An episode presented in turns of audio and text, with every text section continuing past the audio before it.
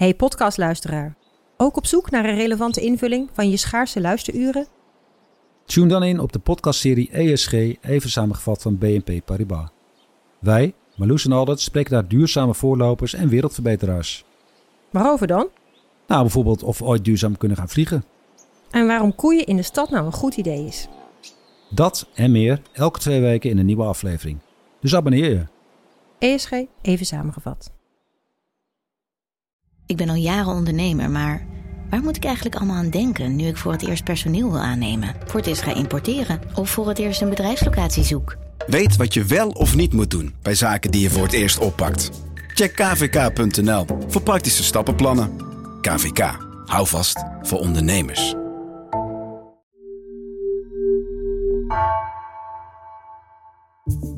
Vanaf de redactie van NRC het verhaal van vandaag. Mijn naam is Gabriella Ader.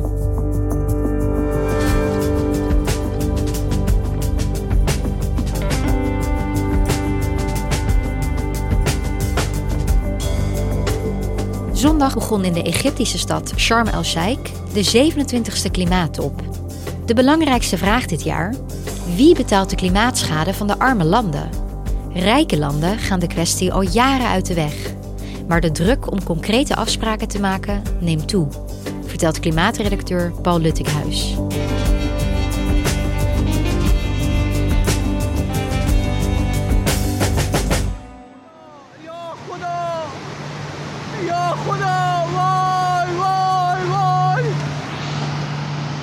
Deze zomer werd Pakistan overvallen door de ernstigste overstroming ooit in het land.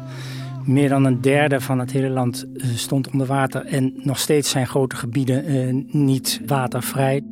En niet alleen Pakistan, maar ook allerlei andere landen kregen dit jaar te maken met de gevolgen van klimaatverandering. In Nigeria zijn sinds deze zomer zeker 500 mensen omgekomen bij overstromingen.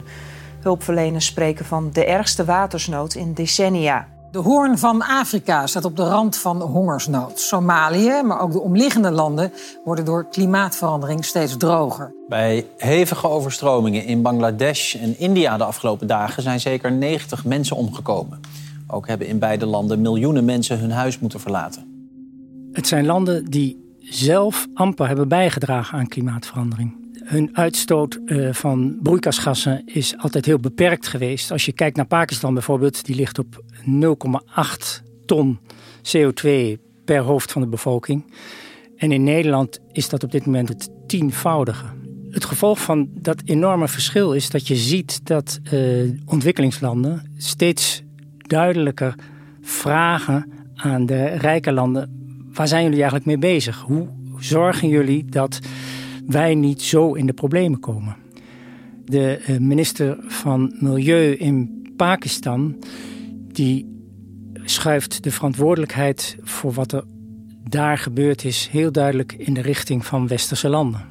The world did not take the actions it was meant to and by that I mean the richer countries who've gotten rich on the back of fossil fuels. Now we have a situation where those of us are now feeling the heat, quite literally, of other people's development and greed. Deze week komen de 195 landen van de VN weer bij elkaar in Egypte dit keer om twee weken lang te praten over klimaatverandering en het beleid dat nodig is om dat op te lossen. En daar zal uh, de klimaatschade een belangrijk onderwerp zijn. Laten we eerst even gaan naar deze 27e top, die deze week gehouden wordt in Sharm el-Sheikh. Wat gebeurt er? Wat speelt zich hier af? Ja, op zo'n top gebeurt over het algemeen heel veel. Er wordt over alles onderhandeld om te voorkomen dat de klimaatverandering uh, een groot probleem wordt. Of een nog groter probleem wordt, moet ik eigenlijk zeggen. We doen dat al sinds 1995, toen er voor het eerst zo'n bijeenkomst was. Dat was in Berlijn. Dat resulteerde uiteindelijk in een eerste akkoord dat voornamelijk ging over hoe kunnen we de uitstoot van CO2 uh, eh, terugbrengen. Daar werden afspraken over gemaakt waar we ons nooit zo heel erg aan hebben gehouden. Daarna is er uiteindelijk in 2015 in Parijs wel een akkoord gesloten om en de CO2 te reduceren en met name arme landen te helpen om zich minder kwetsbaar te maken voor klimaatverandering. En nu zijn we bezig met de invulling van wat er toen in 2015 is afgesproken. En als we nu kijken naar de prognose van de klimaatverandering, hoe staat die er dan voor, zeven jaar nadat die afspraken zijn gemaakt? Nou ja, het pijnlijke was dat in 2015 werden dus die afspraken gemaakt en het jaar daarop steeg de uitstoot nog steeds. En dat is met een klein dipje door corona niet veranderd. Dus we zijn nog niet op weg naar een reductie van CO2. Want uiteindelijk, als we het probleem echt willen voorkomen, dan zouden we onder de anderhalve graad moeten blijven, opwarming. En we zitten nu op 2,5 tot 2,8 graden, hangt er een beetje van af van wie het vraagt. Het drama van klimaatverandering werd maandag ook weer door VN-chef Antonio Guterres duidelijk gemaakt. We are on a highway to climate hell with our foot still on the accelerator. Humanity has a choice cooperate or perish. It is either a climate solidarity pact or a collective suicide pact. Maar hoe dan ook, we hebben in Parijs afgesproken dat ruim onder de 2 graden de absolute grens is van de opwarming. En daar zijn we nog lang niet naar op weg. Zelfs niet met alle beloftes bij elkaar die we uh, sinds Parijs hebben gedaan. En waar gaat deze top in Sharm el-Sheikh nou specifiek over? Kijk, de eerste toppen gingen voornamelijk over het reduceren van CO2. Toen kwam daarbij, we moeten ons minder kwetsbaar maken voor CO2. Maar we hebben voor de klimaatverandering, die toch gaande is, ontdekt dat ook al doen we al die dingen, dat er toch ook schade gaat ontstaan in veel landen. Daarover willen met name de arme landen nu echt praten. Wat gaan we doen aan die schade en wie gaat daarvoor opdraaien? Ja, je zegt arme landen. En wat bedoel je met arme landen of rijke landen? Nou ja, rijke landen is het meest helder gedefinieerd. Dat zijn de westerse geïndustrialiseerde landen, dus van Europa en de VS tot uh, Canada, Japan en Nieuw-Zeeland, bij wijze van spreken. En die arme landen is een veel ingewikkelder groep. In die klimaatonderhandelingen is er bijvoorbeeld de groep van G77 landen. Dat zijn er niet 77, maar zo'n 135. En dat is dus een groep arme landen die zich hebben verenigd en gezamenlijk uh, vaak een standpunt innemen. En die groep wordt geleid door China, wat eigenlijk in het licht van klimaatverandering een beetje een wonderlijk land is binnen die groep, omdat zij de grootste vervuilers van het klimaat op dit moment zijn. Maar, China presenteert zich binnen die groep nog steeds als uh, een ontwikkelingsland. En die arme landen zijn onderling ook nog weer heel verschillend. Want je hebt dus opkomende economieën zoals Brazilië, Zuid-Afrika. Maar je hebt daarnaast ook nog een groep die zich op de klimaatonderhandelingen presenteert als de allerarmste landen. En die hebben eigenlijk amper bijgedragen aan CO2-uitstoot, maar voelen heel goed nu al de gevolgen van de opwarming. Ja, en hoe kijken zij dan naar de verantwoordelijkheid van de, van de rijke landen, zoals de Europese Unie en de Verenigde Staten? Het punt bij klimaatverandering is dat er eigenlijk een rechtstreeks verband bestaat tussen welvaart en energiegebruik. En het ingewikkelde is dat we van ontwikkelingslanden een groot offer vragen, namelijk om niet gebruik te maken van de meest goedkope en meest voorhanden zijnde bron van energie, namelijk olie, kolen en gas.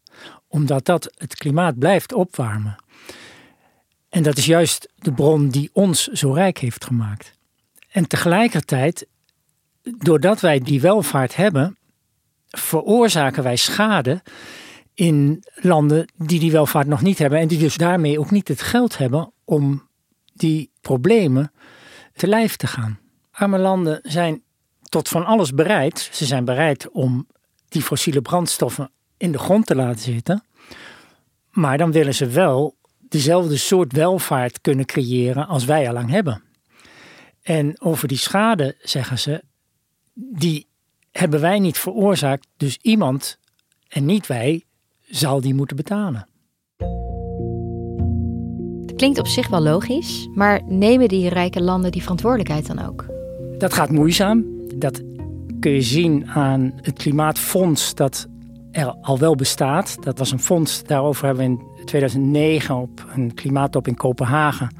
heeft de wereld gezegd, we gaan een klimaatfonds inrichten van zo'n 100 miljard Today, I'd like to announce that the United States is prepared to work with other countries toward a goal of jointly mobilizing $100 billion a year by 2020 to address the climate change needs of developing countries for the poorest and most vulnerable among us. Dat moet je niet meteen voorstellen als een grote pot waar iedereen zijn geld in stort. Maar dat zijn dan al die optelsommen van ontwikkelingshulp die rijkere landen geven. En het idee is dat dat vanaf 2020 ieder jaar 100 miljard zal zijn. Werd toen afgesproken. Tien jaar lang hebben we daar naartoe kunnen werken, maar we zijn nog steeds niet zo ver. En daar komt dan nog bij dat we eigenlijk beloofd hebben als rijke landen om dat geld te geven in de vorm van een gift. Maar in de praktijk zie je dat heel veel uh, in de vorm van leningen gaat of in de vorm van hulp van de industrie uit die westerse landen zelf, die daar goed aan kunnen verdienen. Dus dat is heel anders dan de ontwikkelingslanden zich dat hadden voorgesteld. Ja, en hoe moeten die ontwikkelingslanden dat dan in godsnaam gaan terugbetalen? Ja, dat is een, dat is een, een heel, heel groot probleem. Ja. ja. Als we nu bijvoorbeeld kijken naar die overstromingen in Pakistan, wordt de herstel daarvan betaald uit die pot? Nou ja, misschien is het goed om toch eerst te vertellen dat rijke landen er wel op wijzen dat die schade die in Pakistan is ontstaan, weliswaar met klimaatverandering te maken heeft, maar ook voor een deel het gevolg is van slechte infrastructuur in Pakistan. En slecht beleid om die infrastructuur op peil te brengen. Alleen het probleem is wel dat Pakistan ook niet zoveel geld heeft om dat goed te doen. Um, en de schade in die periode, laten we zeggen tussen juni en september, uh, dat die overstromingen ontstonden, wordt nu inmiddels geraamd op zo'n 40 miljard dollar. Um, maar als je kijkt, de zes grootste oliemaatschappijen in de wereld, die uh, hebben in diezelfde periode zo'n 90 tot 100 miljard dollar verdiend. Dus als je een deel van dat geld zou gebruiken om die schade te betalen, dan eh, help je wel om zo'n probleem op te lossen. Ja, klinkt wel een beetje alsof de rijke landen nog niet helemaal de verantwoordelijkheid willen nemen. Nee, en dat is dus ook waar het in Sharm el-Sheikh over gaat. Ehm, het feit dat ze het daar nu over hebben is wel winst. Want tot nu toe is het rijke landen steeds gelukt om het van de agenda af te houden. Vorig jaar stond het er bijna op en werd er uiteindelijk als een soort compromis besloten dat er een dialoog over dit onderwerp zou worden gestart. En uh, dat is een beetje vergelijkbaar met een Nederlandse regering die een werkgroep start als ze een probleem niet kunnen oplossen. Maar met name de situatie in Pakistan heeft er toch toe geleid dat dat dit jaar niet meer is gelukt. De druk van die landen is zo groot dat het nu officieel op de agenda staat in Egypte. Ja, maar waarom ontwijken die rijke landen nou zo dat gesprek? Wat je ziet bij die rijke landen is dat ze heel huiverig zijn om de verantwoordelijkheid te nemen. Dus uh, er was een tijdje geleden in New York bijvoorbeeld een Climate Week, waarin uh, John Kerry, dat is de klimaatambassadeur van de Verenigde Staten, werd gevraagd van, goh, uh, hoe zit dat eigenlijk met die verantwoordelijkheid voor dit soort schade? En toen was de reactie echt van Kerry, was, hij was behoorlijk kribbig daarin. Van ja, sorry hoor, maar ik ga mij niet schuldig voelen over wat er allemaal gebeurt in de wereld. En dat laat zien hoe, ja, hoe gevoelig het onderwerp ligt. Dat, gevoelig is ook het woord dat Rutte maandag in de mond nam. Want hij was in uh, Egypte om een toespraak te houden en om wat, bij wat bijeenkomsten uh, mee te debatteren. En Rutte zei: Ja, dit is een zeer gevoelige discussie.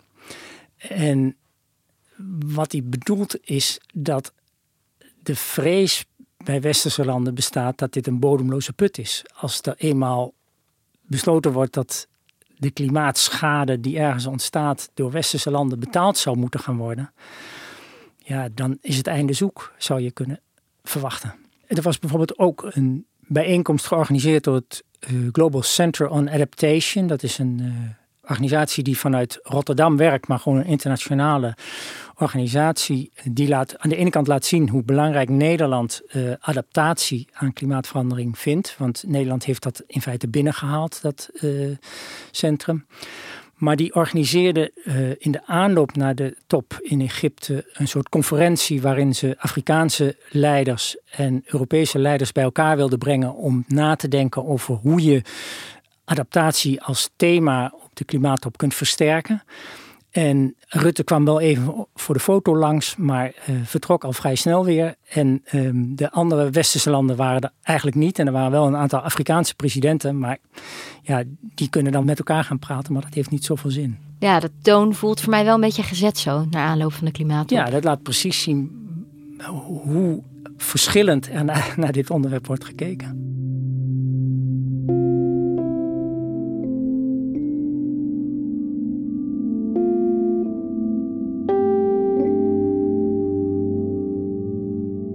Komende weken wordt dus gepraat over de financiering van die klimaatschade. Wat denk jij dat er gaat gebeuren? Wat denk jij dat de rijke landen gaan zeggen? Wat ik denk is dat er eerste stapjes worden gezet in de richting van hulp na een klimaatramp. En wat zeker is, en dat is ook het gemakkelijkste onderdeel, dat is dat er een soort waarschuwingssysteem wordt opgezet waardoor je voorkomt dat er veel slachtoffers ontstaan als er een weersextreem zich voordoet. De bedoeling is dat er binnen vijf jaar overal op de wereld dat soort waarschuwingssystemen bestaan. Die zullen voor een groot gedeelte gefinancierd worden door rijke landen. Daarnaast willen de arme landen natuurlijk praten over: ja, maar wat gaan jullie dan concreet voor ons doen als Pakistan zal vragen wie gaat die 40 miljard betalen? Dus er wordt ook nagedacht over manieren om via een soort verzekeringsconstructie waar landen naar kunnen vragen als zij in de problemen zijn gekomen. Maar wat je daarvan weer ziet is dat verzekeringsmaatschappijen al hebben gezegd van ja, maar wij willen best een verzekeringsfonds opzetten, maar niet voor landen die zo kwetsbaar zijn dat dat ons eh, veel te veel geld gaat kosten. Dus uiteindelijk zullen we toch op een of andere manier eh, geld van overheden daarvoor moeten hebben. En ik denk nog niet dat dat dit jaar al ehm, zal worden besloten bij deze top. Verschilt dan ook nog per land wat ze willen bijdragen? Frankrijk en Engeland hebben al gezegd dat ze best willen nadenken over iets van compensatie voor klimaatschade. Alle landen zijn daarin nog niet zo ver. De VS is misschien wel het grootste struikelblok daarin. Maar uiteindelijk laat het ook weer zien hoe dit onderwerp klimaatschade te maken heeft met waar het natuurlijk echt om gaat, namelijk de reductie van CO2, zodat er minder schade zal ontstaan. En daarvoor is het absoluut nodig dat China zijn uitstoot vermindert. En liefst veel sneller dan ze nu van plan zijn. Maar daarvoor heb je druk van ontwikkelingslanden nodig om China zover te krijgen om dat te doen. Want China stelt zich nu altijd op als leider van die ontwikkelingslanden als het over geld gaat. En dan zegt China, ja, maar die rijke landen die weigeren ook te betalen en dat is een schande en dat moet gebeuren. Het is echt wel een, een visieuze cirkel eigenlijk, hè? Ja, terwijl als je in staat bent als rijke landen om die ontwikkelingslanden mee te krijgen in druk op China om meer te gaan doen, dan zou het klimaat daar enorm veel baat bij hebben. Dus het laat zien dat die discussie over geld weliswaar een discussie over geld is, maar tegelijkertijd een discussie over de reductie van CO2 voor de hele planeet. Stel dat het niet gaat lukken om na twee weken in uh, Sharm el-Sheikh met een oplossing te komen, of met afspraken in ieder geval. Wat gaat er dan gebeuren? Wat het betekent als er geen concrete afspraken over klimaatschade worden gemaakt, is allereerst dat ze uh, volgend jaar verder praten. En daarnaast dat juist de dingen waar het echt om gaat, namelijk de reductie van CO2, om te voorkomen dat de aarde te veel opwarmt, vertraging oploopt. En uh, die vertraging, ja, die kunnen we eigenlijk niet goed gebruiken. Nee, want intussen gaan we wel richting de 2,8 graden. Precies, we stevenen af op, laten we zeggen, meer dan 2 graden. Royaal meer dan 2 graden. En aan het eind van deze eeuw is dat dan. En het is duidelijk dat de gevolgen daarvan vrij groot zijn. Het is alleen niet zo dat als we over die 2 graden, dit is niet een soort absolute grens, als we daar overheen gaan, dan stort het in. Er is dus ieder moment een mogelijkheid om de uitstoot van CO2 te blijven reduceren. En op ieder moment is het belangrijk om dat te doen. Maar het beste zou zijn als we dat doen voordat we over de anderhalve graad opwarming heen gaan. En nu is er niets dat erop wijst dat ons dat gaat lukken. Dankjewel, Paul. Graag gedaan.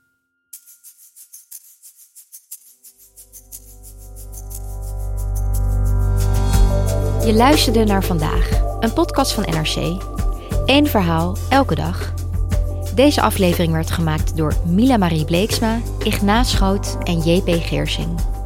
Dit was vandaag, morgen weer.